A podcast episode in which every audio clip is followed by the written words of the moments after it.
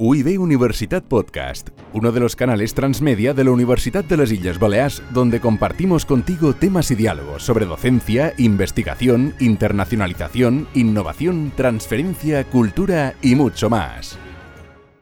La próxima charla que nos la va a dar Laura Monzó, que es la jefa de estudio del Instituto Antonio Maura, que llevan cinco años trabajando no tanto con la tecnología, que también, sino con estrategias de cómo utilizar, cómo motivar a los estudiantes, cómo engancharlos, cómo enseñarles a aprender a aprender, pues nos dé una serie de pautas diferentes. Por otra parte, eh, también recordar algo. ¿Cómo éramos nosotros cuando teníamos 18 años y empezamos en la universidad? Éramos eh, bastante diferentes a los profesores y profesoras que teníamos delante y por supuesto nuestros padres. Éramos generaciones diferentes. Los que vienen ahora, los que vienen a la universidad, también son generaciones diferentes. Sus lenguajes de comunicación, sus lenguajes de trabajo y cómo han aprendido a aprender son diferentes. Y por eso desde el principio, cuando planteamos hacer la jornada, Ah, pues hablamos con compañeros de aquí de la universidad y nos hablaron muy bien de, Laura. Nos contaron la experiencia que llevan cinco años trabajando ya en el instituto y cómo siguen trabajándola. Y por eso hoy, Laura, muchísimas gracias, nos hablará sobre, sobre esto. Buenos días y bueno, gracias Antonio por haberme invitado a estas jornadas. Es una experiencia también y sobre todo a mí que me gusta mucho lo de intercambiar y conocer pues tanto los profes de primaria, que es lo que hacen, que es los que vienen, como los de la universidad que es hacia donde van nuestros alumnos. ¿no? Bueno, eh, yo soy profesora de matemáticas, licenciada en matemáticas, eh, llevo en el Instituto Antoni Maura 15 años, de los cuales 11 de jefa de estudios. Y bueno, hace prácticamente 5 años eh, iniciamos en el centro un proceso de transformación, de cambio eh, general en el centro, ¿no? ¿no? estas prácticas que un profesor hace un día concreto en su aula, sino intentar que fuera un cambio global eh, ¿no? a nivel de centro. Hoy os contaré un poquito, porque es poco tiempo lo que tengo, más o menos en qué consiste este cambio, pinceladas, y sobre todo os enseñaré ejemplos de algunas de estas experiencias de aprendizaje que hemos diseñado en el instituto y cómo lo hacemos, qué metodologías utilizamos, un poco para que veáis tengáis unas pinceladas ¿no? un poco de lo que hacemos. Lo primero es eh, deciros un poco que todo nació en el año 2012-2013 en el centro. Fue un año bastante duro en nuestro instituto. Eh, para decirlo así a grandes rasgos, pues teníamos una situación en la que teníamos bastantes problemas de convivencia, teníamos alumnos muy desmotivados, profesores frustrados porque no había manera, que hacían lo que hacían, no funcionaba nada. Teníamos un alto grado de asentismo también, una mala imagen externa del centro, no sé si conocéis el instituto, que está situado en el polígono de Levante, eh, y también teníamos unos índices de fracaso escolar también bastante elevados. Entonces, toda esta situación un poco que parece muy catastrófica, pero que bueno, era la que era, pues nos dio lugar a decir, bueno, pues aquí hay que hacer algo, pero radical, no puede ser cositas pequeñas, ¿no? tiene que ser algo grande, radical, y de transformación. Y bueno, un grupo de profesores que gracias a Dios tenemos en el instituto muy motivados, con mucha pasión y con muchas ganas de hacer cosas, pues iniciamos este proceso. El proceso un poco va englobado y no es un proceso local que hacemos en nuestro instituto, sino que al empezar aquí este proceso eh, nos dimos cuenta de que hay muchos institutos, muchas escuelas en España y en el mundo entero que han iniciado estos procesos de cambio y que van todos orientados más o menos hacia el mismo camino. ¿no? Eh, lo que nosotros nos dimos cuenta es que bueno, se hacían muchísimas cosas y empezamos a investigar y ver todo lo que se hacía afuera. Hicimos visitas a muchos institutos, a muchos países, vimos qué hacían en otros sitios para ver qué podíamos aplicar en el nuestro.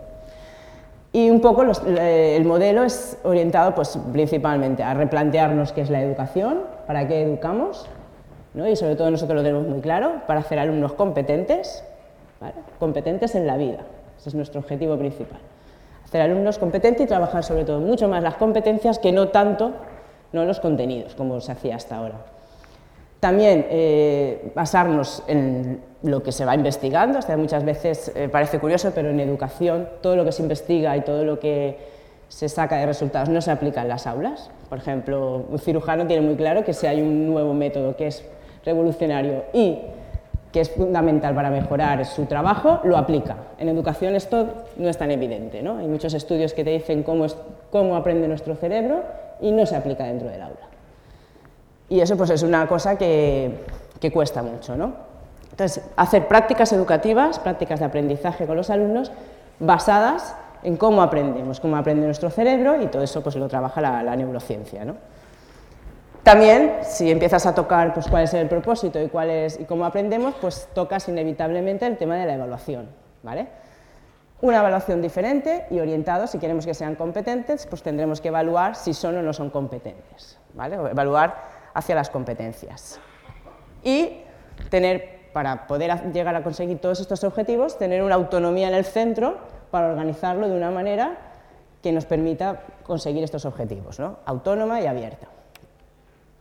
Nuestro modelo se basa, pues, es un poco pues, como conocéis el cubo de Rubin, seis caras, y entonces es una cosa que si empiezas a tocar una cosa en un instituto, en una organización, al final acabas tocándolo todo. Si nosotros pensamos que tenemos que evaluar por competencias, necesariamente tenemos que tocar el currículum. Si tocamos el currículum y queremos evaluar por competencias, las metodologías cambian. Si las metodologías cambian y, evaluamos por competencias, la evaluación cambia, todo va cambiando. ¿Vale? Es, una cara, es un cubo ¿no? que, al final todo cambia. Y se basan en estos seis, en estas seis mm, aspectos, ¿no? el currículum, las metodologías, la evaluación, la organización del, del instituto, la personalización de la educación, cada vez también nos damos cuenta de que cada niño o cada persona tiene sus procesos, sus ritmos, sus intereses, sus motivaciones, sus talentos y que cada vez hay que personalizar mucho más la educación. ¿no? no esto de para toda una clase se da lo mismo, para toda una clase se evalúa igual, para toda una clase se da exactamente lo mismo. No, cada niño pues, tiene su mochila detrás, sus cosas y evoluciona de una manera diferente. Entonces, eh, esto pues, provoca eh, sobre todo un cambio en el rol del profesor, muy grande, que esta es la principal dificultad ¿no? que, nos encontramos, salir de nuestra zona de confort y cambiar. Y el profesor ya no es un transmisor de, contenidos, no es un transmisor de información, sino que se convierte, lo que nos gusta llamar, diseñador de experiencias educativas. ¿vale? Es el que guía y acompaña al alumno en su proceso de aprendizaje. ¿vale? Pero sobre todo cambia mucho eh, lo que el profesor hace dentro del aula que antes eran clases pasivas de transmisión de información y ahora son clases activas donde el profesor es un guía y donde él diseña qué es lo que se va a hacer antes de una clase y después, como veréis en ejemplos posteriores, los alumnos son los que actúan y los que trabajan en la clase. Esto pues, eh, también es una cosa que cada profesor va a su ritmo y que cada profesor pues, va evolucionando en este sentido diferente.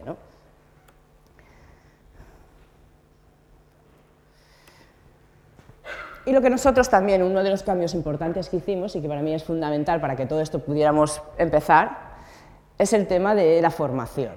Eh, lo que para mí es muy importante es que bueno, el profesor tiene que tener una caja de herramientas, ¿no? no quiere decir que uno vaya a aplicar un método o una metodología, sino que tiene una caja de herramientas que se va formando y que va diseñando sus experiencias y va cogiendo esas herramientas que necesita para ese momento, para esos objetivos de aprendizaje, según eh, lo, que, lo. Hoy en día pues cada vez hay más, herramientas, ¿no? pero uno bueno, pues va formándose y va aprendiendo nuevas cosas. Por ejemplo, dentro de esta caja de herramientas que todos pues, deberíamos tener, pues está todo el tema del aprendizaje cooperativo, ¿eh? la neurociencia y también todos los estudios científicos dicen que se aprende mucho más socialmente que individualmente, el aprendizaje social es más potente, más significativo y perdura más en el tiempo que un aprendizaje individual.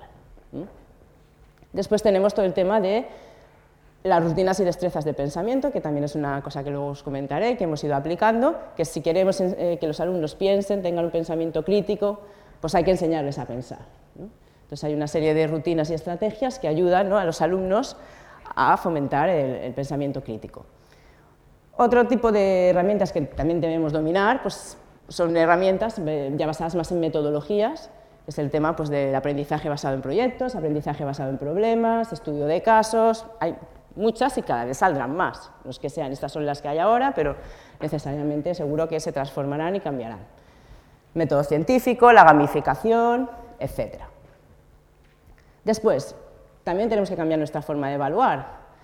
Antes todos sabemos cómo se evaluaba, pues exámenes, mirábamos el cuaderno y poco más. ¿no? Pues hay que tener otros instrumentos, otras herramientas de evaluación que nos permitan evaluar otras cosas que no sean una transmisión de contenido, sino que podamos evaluar si un niño pues, realmente tiene un pensamiento crítico, si sabe trabajar en grupo, si es creativo, si tiene ideas, otro tipo de cosas que tenemos que evaluar también. Y para eso necesitamos otros instrumentos. Entonces hay que ir pues, aprendiendo esa serie de instrumentos. Como hemos dicho siempre, pues estamos en una era digital, tecnológica, las TICs y las aplicaciones, pues es inevitable que, hay que ir dominándolas y que cada vez también salen nuevas y ir aprendiendo. Eh, todo el tema de, la creatividad, pues hay herramientas pues como el Visual Thinking, el Design Thinking, que fomentan la creatividad, generación de ideas. Y no nos tenemos que olvidar de la parte también emocional, ¿no? la parte de establecer vínculo, porque cuando también es verdad que nuestra experiencia nos ha dicho que empezamos a meter metodologías activas, pues salen conflictos, el trabajo en grupo genera conflictos, hay que saber resolverlos, hay que tener dinámicas, etc. Toda la parte emocional también es muy importante en el tema del aprendizaje y hay que tener herramientas. Pues toda esta serie de herramientas es las que uno, pues para una experiencia o para un objetivo concreto, pues coge. A lo mejor en, un proyecto o en una cosa, pues hacemos gamificación o cogemos rutinas o hacemos esta estructura, ¿eh? iré mostrando los ejemplos. Y bueno, ahí están todas nuestras herramientas que vamos cogiendo. ¿no? y todo el plan de formación del centro va orientado a dotar al profesor de esta serie de herramientas. Cada año tenemos un plan de formación en el instituto que se hace en el instituto, que vienen los ponentes o los formadores al instituto y vamos eh, avanzando según las necesidades y según todo, sobre todo en esto, en la adquisición de herramientas, competencias docentes que nos permitirán pues, cambiar. ¿no? Y ahora os mostraré un poco eh, algunos ejemplos de, de, experiencias de aprendizaje pues, que hemos hecho en el instituto. Como deciros que estamos en el proceso, no quiere decir que todo el instituto lo haga, ni que todas las horas del currículum se hagan, sino que estamos en un proceso. Hemos avanzado y seguimos avanzando. Es un proceso que, imparable y que no, y que no ha acabado. ¿no? Lo que nosotros hacemos principalmente eh, hemos intentado pues, una franja del horario hacer eh, proyectos interdisciplinares, de varias materias, en lugar de hacer las materias separadas, hemos agrupado y hacemos eh, proyectos con contenidos y con competencias de esas materias. Normalmente en cada proyecto pues, hay dos, tres materias, o cuatro como mucho. ¿vale? Ya os mostraré algunos ejemplos para que veáis un poco el tipo de actividades que hacemos y, todo eso. uno de los proyectos que hacemos en segundo de la ESO, que lo estamos haciendo ahora mismo, se llama Crónicas Maurianes. ¿vale? Viene del programa Crónicas Marcianas ¿no? y lo hemos adaptado a nuestro centro, que es el Maura, y se llama Crónicas Maurianas. ¿Qué intentamos siempre? Pues esto, también el tema de la motivación, de que el alumno pues, tenga una experiencia pues, que sea motivadora, que, pero que sobre todo a mí no me gusta mucho esto de, bueno, que se lo pasen bien y que sea divertido, pero es, no ese es el objetivo final. El objetivo final es un tipo de aprendizaje diferente. No el objetivo final es que se divierta. Si se divierte es genial, pero el objetivo final es un cambio en, los aprendizajes. No queremos que aprendan contenido, sino queremos que sean competentes. Y va orientado a eso. Intentamos que se diviertan, intentamos que sean más lúdico, pero aún así eh, no es el objetivo. ¿eh? Vale, pues, voy a mostraros este proyecto. Nosotros lo que hacemos normalmente, cada proyecto diseñamos una página web con Wix. Y claro, todo esto es lo que hacen los profes. Los profes diseñan estas experiencias, diseñan los contenidos, diseñan las actividades y lo diseñamos todo antes de dar la clase. La clase está milimétricamente pensada. O sea, cada momento de la clase está milimétricamente pensado qué vamos a hacer. Está muy planificado. Todo se ha diseñado antes, se ha coordinado antes, porque este proyecto se hace en cuatro clases simultáneas de la ESO de segundo de la ESO. Por lo tanto, somos cinco profesores que simultáneamente estamos aplicando el proyecto. Nos tenemos que coordinar anterior, diseñar anterior. Hay un, todo un, trabajo previo de planificación de la clase. ¿no? Por ejemplo, este pues, eh, es un proyecto que los alumnos siempre se les explica un poquito cuál será la tarea o cuál será el producto final de este, de este proyecto. Y en este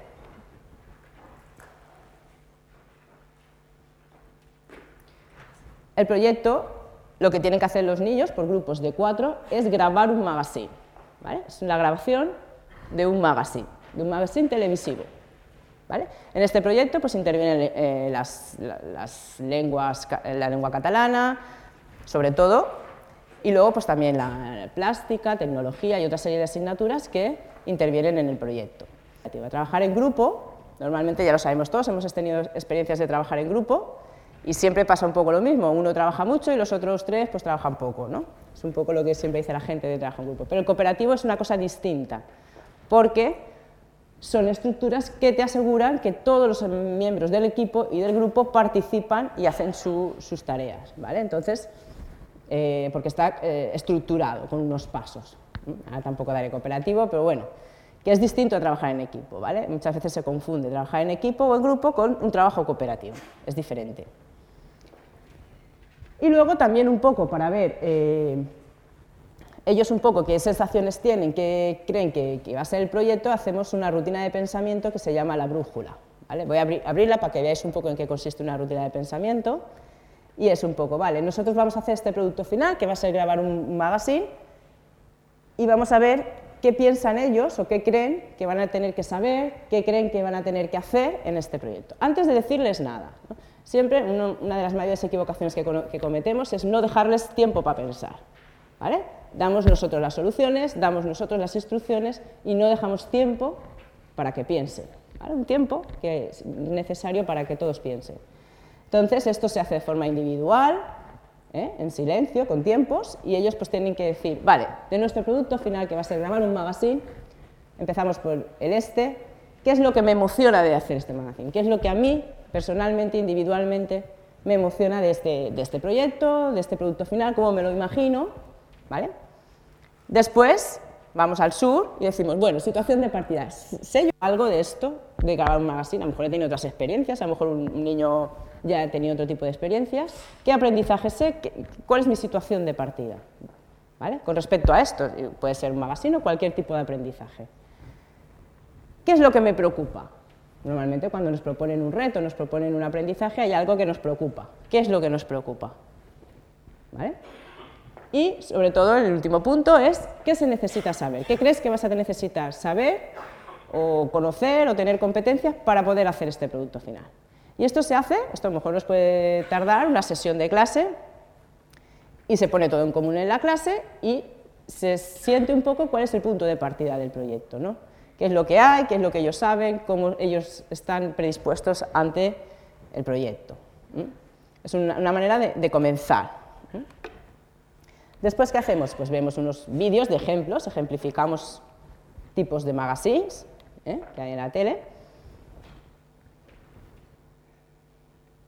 Y después van una serie pues, de, actividades que tratamos durante el proyecto. Tratamos todo el tema de la, de la información, todo el tema de fuentes fiables de información de Internet, ¿vale? Eh, todo el tema de los criterios para verificar una fuente, la fiabilidad, bueno, hay muchos contenidos que se trabajan orientados a grabar este magazine, a, un objetivo práctico, concreto, motivador para ellos porque les gusta, ¿vale? Y bueno, pues eh, lo que os digo, siempre vamos poniendo qué metodología utilizamos para estas cosas. Luego también tratamos el tema de la comunicación, cómo tiene que ser un buen comunicador, ¿vale? También esto se podría hacer de muchas maneras. Yo les podría decir características de un buen comunicador y exponerles todas las características de un buen comunicador. Eso sería una forma tradicional, entre comillas, de hacerlo, de darles toda la teoría de lo que tiene que ser un buen comunicador, pero hay otras maneras de hacerlo, porque esto nosotros ya sabemos que la transmisión, lo que los niños oyen ¿eh? o escuchan, al final aprenden un 5 o un 10%. ¿vale? ¿Cómo podemos hacerlo? Pues que construyan ellos cuáles son esos criterios que hacen a un buen comunicador. Y para eso les damos ejemplos. Damos ejemplos de vídeos de buenos comunicadores y de malos comunicadores. ¿vale?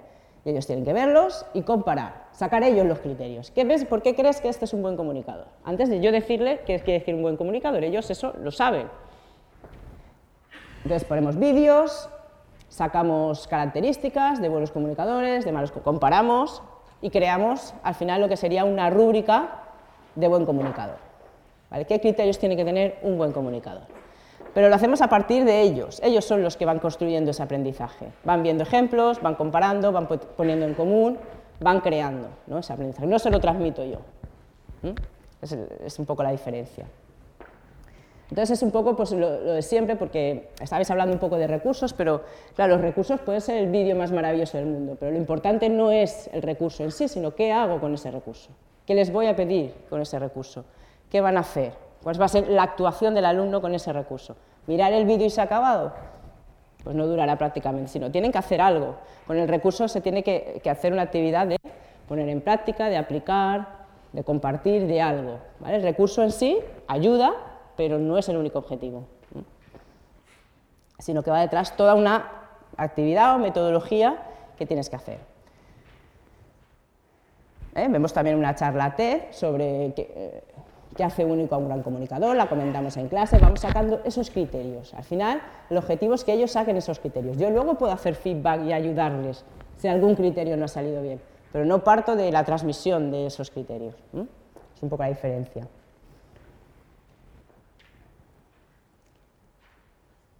Vale, después, otra, una actividad también que hacemos, dentro de cuando ya sabemos que tiene que ser, cómo tiene que ser un buen comunicador, pues hacemos una actividad que es que ellos se tienen que grabar un vídeo, tienen que coger una noticia, la que más les guste, la que quieran, y grabarse un vídeo, y lo colgamos en una aplicación que se llama Flipgrid, que es una aplicación donde el profe puede ver todos los vídeos y ellos también pueden ver los vídeos de los compañeros, y se tienen que autoevaluar después. Eso no ha sido fácil, hay muchos niños que no querían grabarse de ninguna manera, ni, y mucho menos verse ellos en un vídeo y mucho menos evaluarse. ¿Vale? Entonces, eh, pero es la manera de mejorar y de hacerte un buen comunicador. Entonces, pues nada, eh, hicieron el vídeo, lo colgaron, se autoevaluaron, pusieron mejoras que tenían que hacer y luego volvieron a grabar el vídeo y volvieron a, colgar, a colgarlo. ¿vale? Otra de, de las cosas que también tenemos tendencia es hacer un único producto. ¿eh? Muchas veces pues hacemos un trabajo, entregamos un trabajo, pero no hay la posibilidad de, bueno, me he equivocado en esto, hay un feedback, puedo volver a hacerlo, puedo volver a mejorarlo. ¿vale? Normalmente los procesos de aprendizaje son ensayo y error y muchas veces solo les damos una oportunidad, un trabajo, un examen, una cosa y ahí se ha acabado el proceso. No hay esa evolución de, bueno, vamos a seguir con el proceso, ¿no? sino que lo cortamos ahí. Entonces, bueno, al menos darle alguna iteración de poder hacer alguna mejora. Y todos son notas que se, van eh, que se van recopilando para al final la nota final, notas de todo.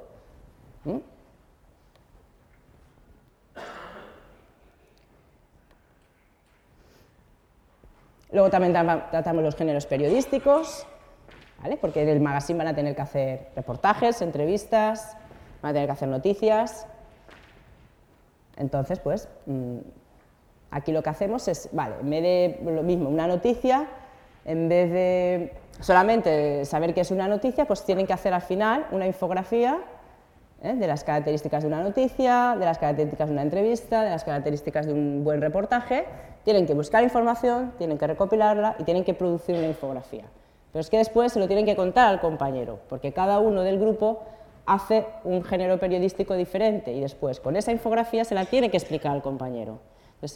Este, este, cambio en la metodología de que, aparte de buscar la información, sabérsela, hacer la infografía, se la tienen que contar al compañero y ahí ya hay una producción de explicar, que uno aprende más explicando que no que si se lo explican a él.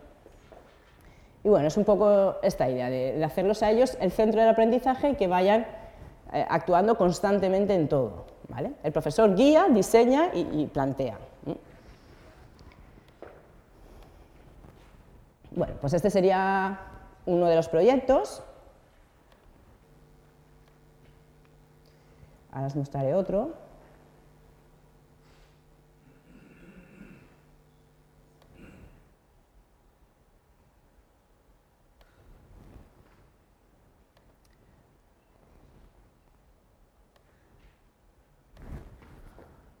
Vale.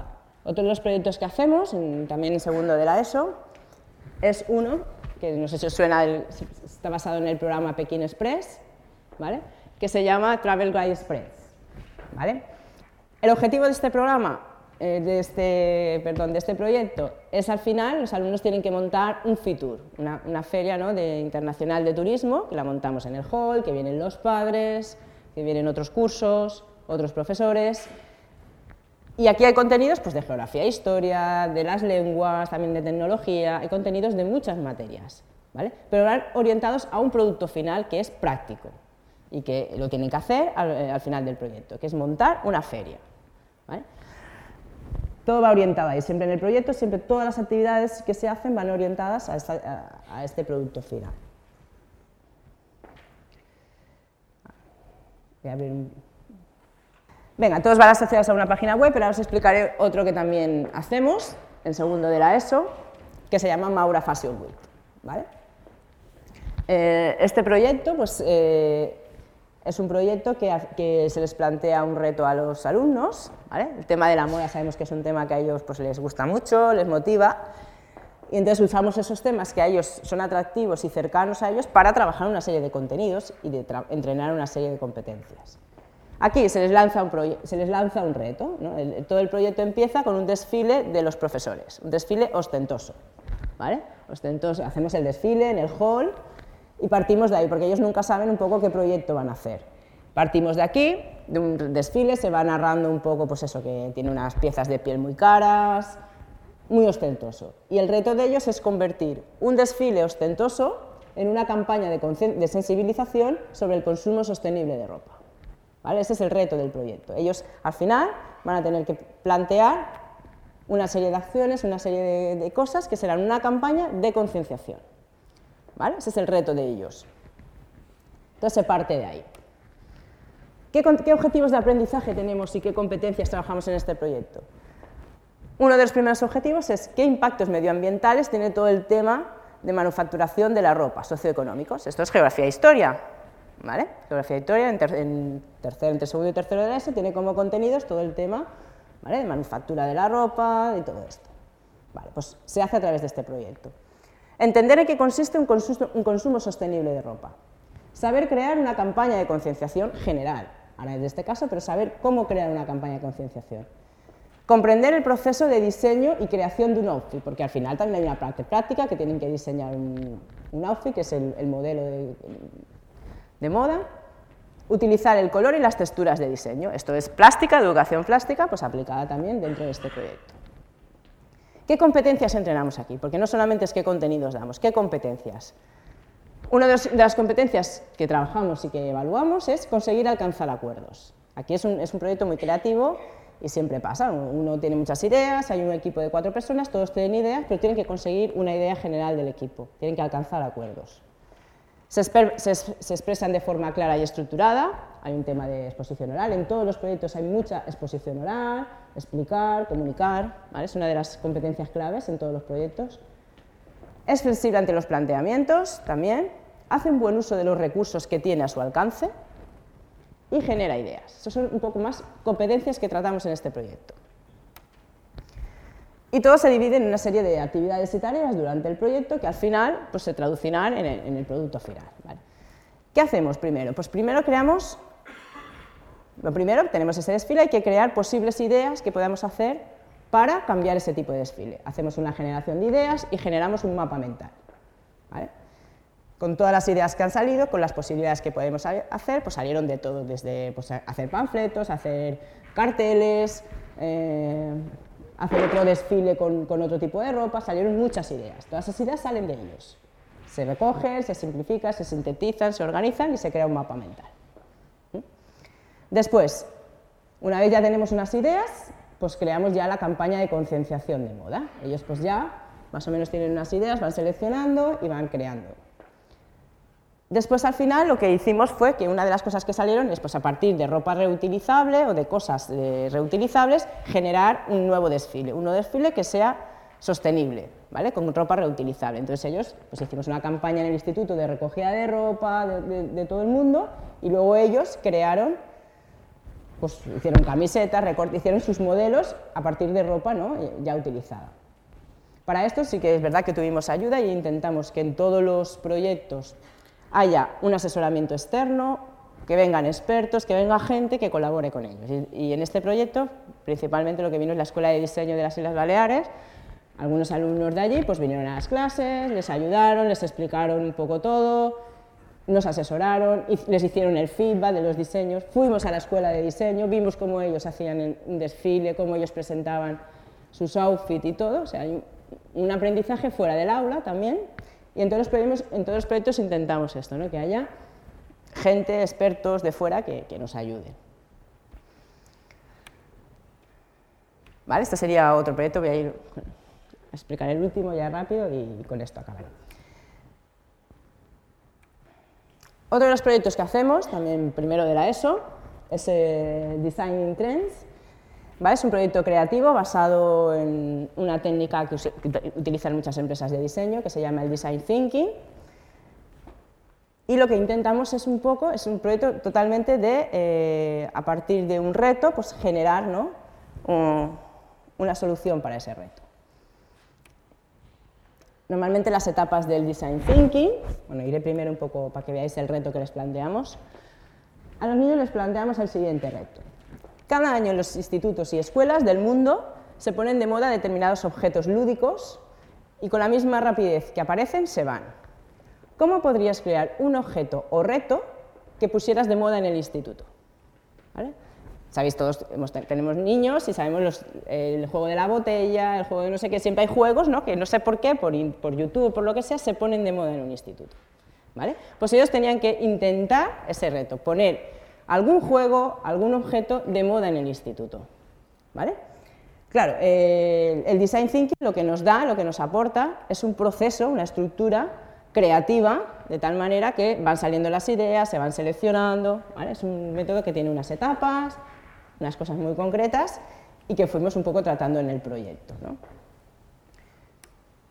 Ese Design Thinking tiene cinco etapas, un poco de descubrimiento, de qué partimos, se hace un estudio de, de qué objetos ha habido que se han puesto de moda, por qué, porque sí, se hace una investigación, ¿eh? qué objetos se han puesto de moda y por qué.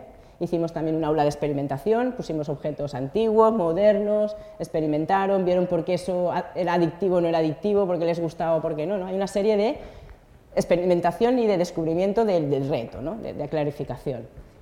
Interpretamos, a partir de lo que hemos descubierto, interpretamos los resultados. Luego hay una fase de ideación y prototipar.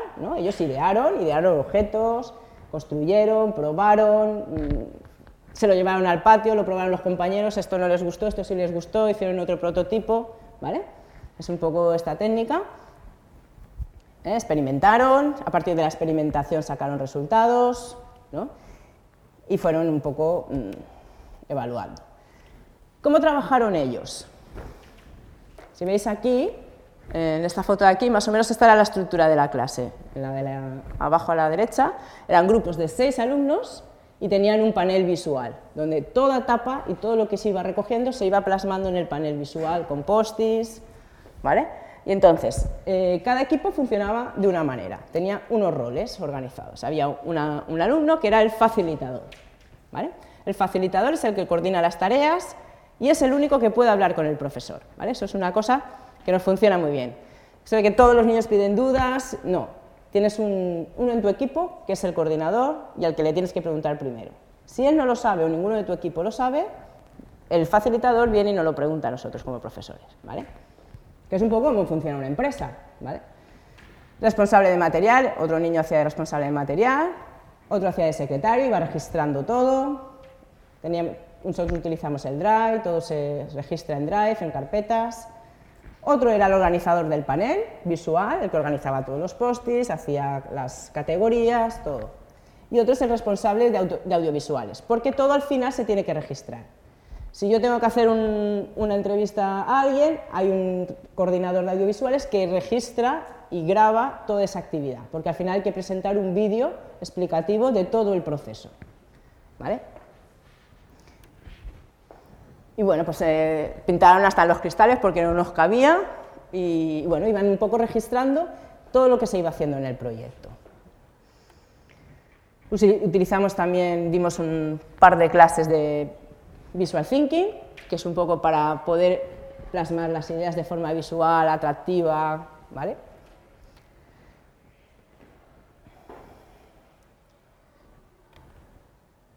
Y y voy a ir acabando ya, porque son ni 10, ¿no? estoy ahí fuera de tiempo ya, Pero bueno, eh, simplemente mm, como concluir que, bueno, que estamos en este proceso de cambio, que estamos muy contentos, la verdad es que ha habido un cambio muy, muy, muy considerable en el instituto, tanto la actitud de los alumnos, del el nivel de convivencia, de todo, de la motivación, y que estamos en el proceso un poco hacia cada vez cambiar más y, mejor. Y muchas gracias por todo.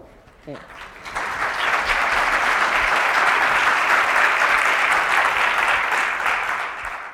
UIB Universitat Podcast, uno de los canales transmedia de la Universidad de las Islas Baleares, donde compartimos contigo temas y diálogos sobre docencia, investigación, internacionalización, innovación, transferencia, cultura y mucho más.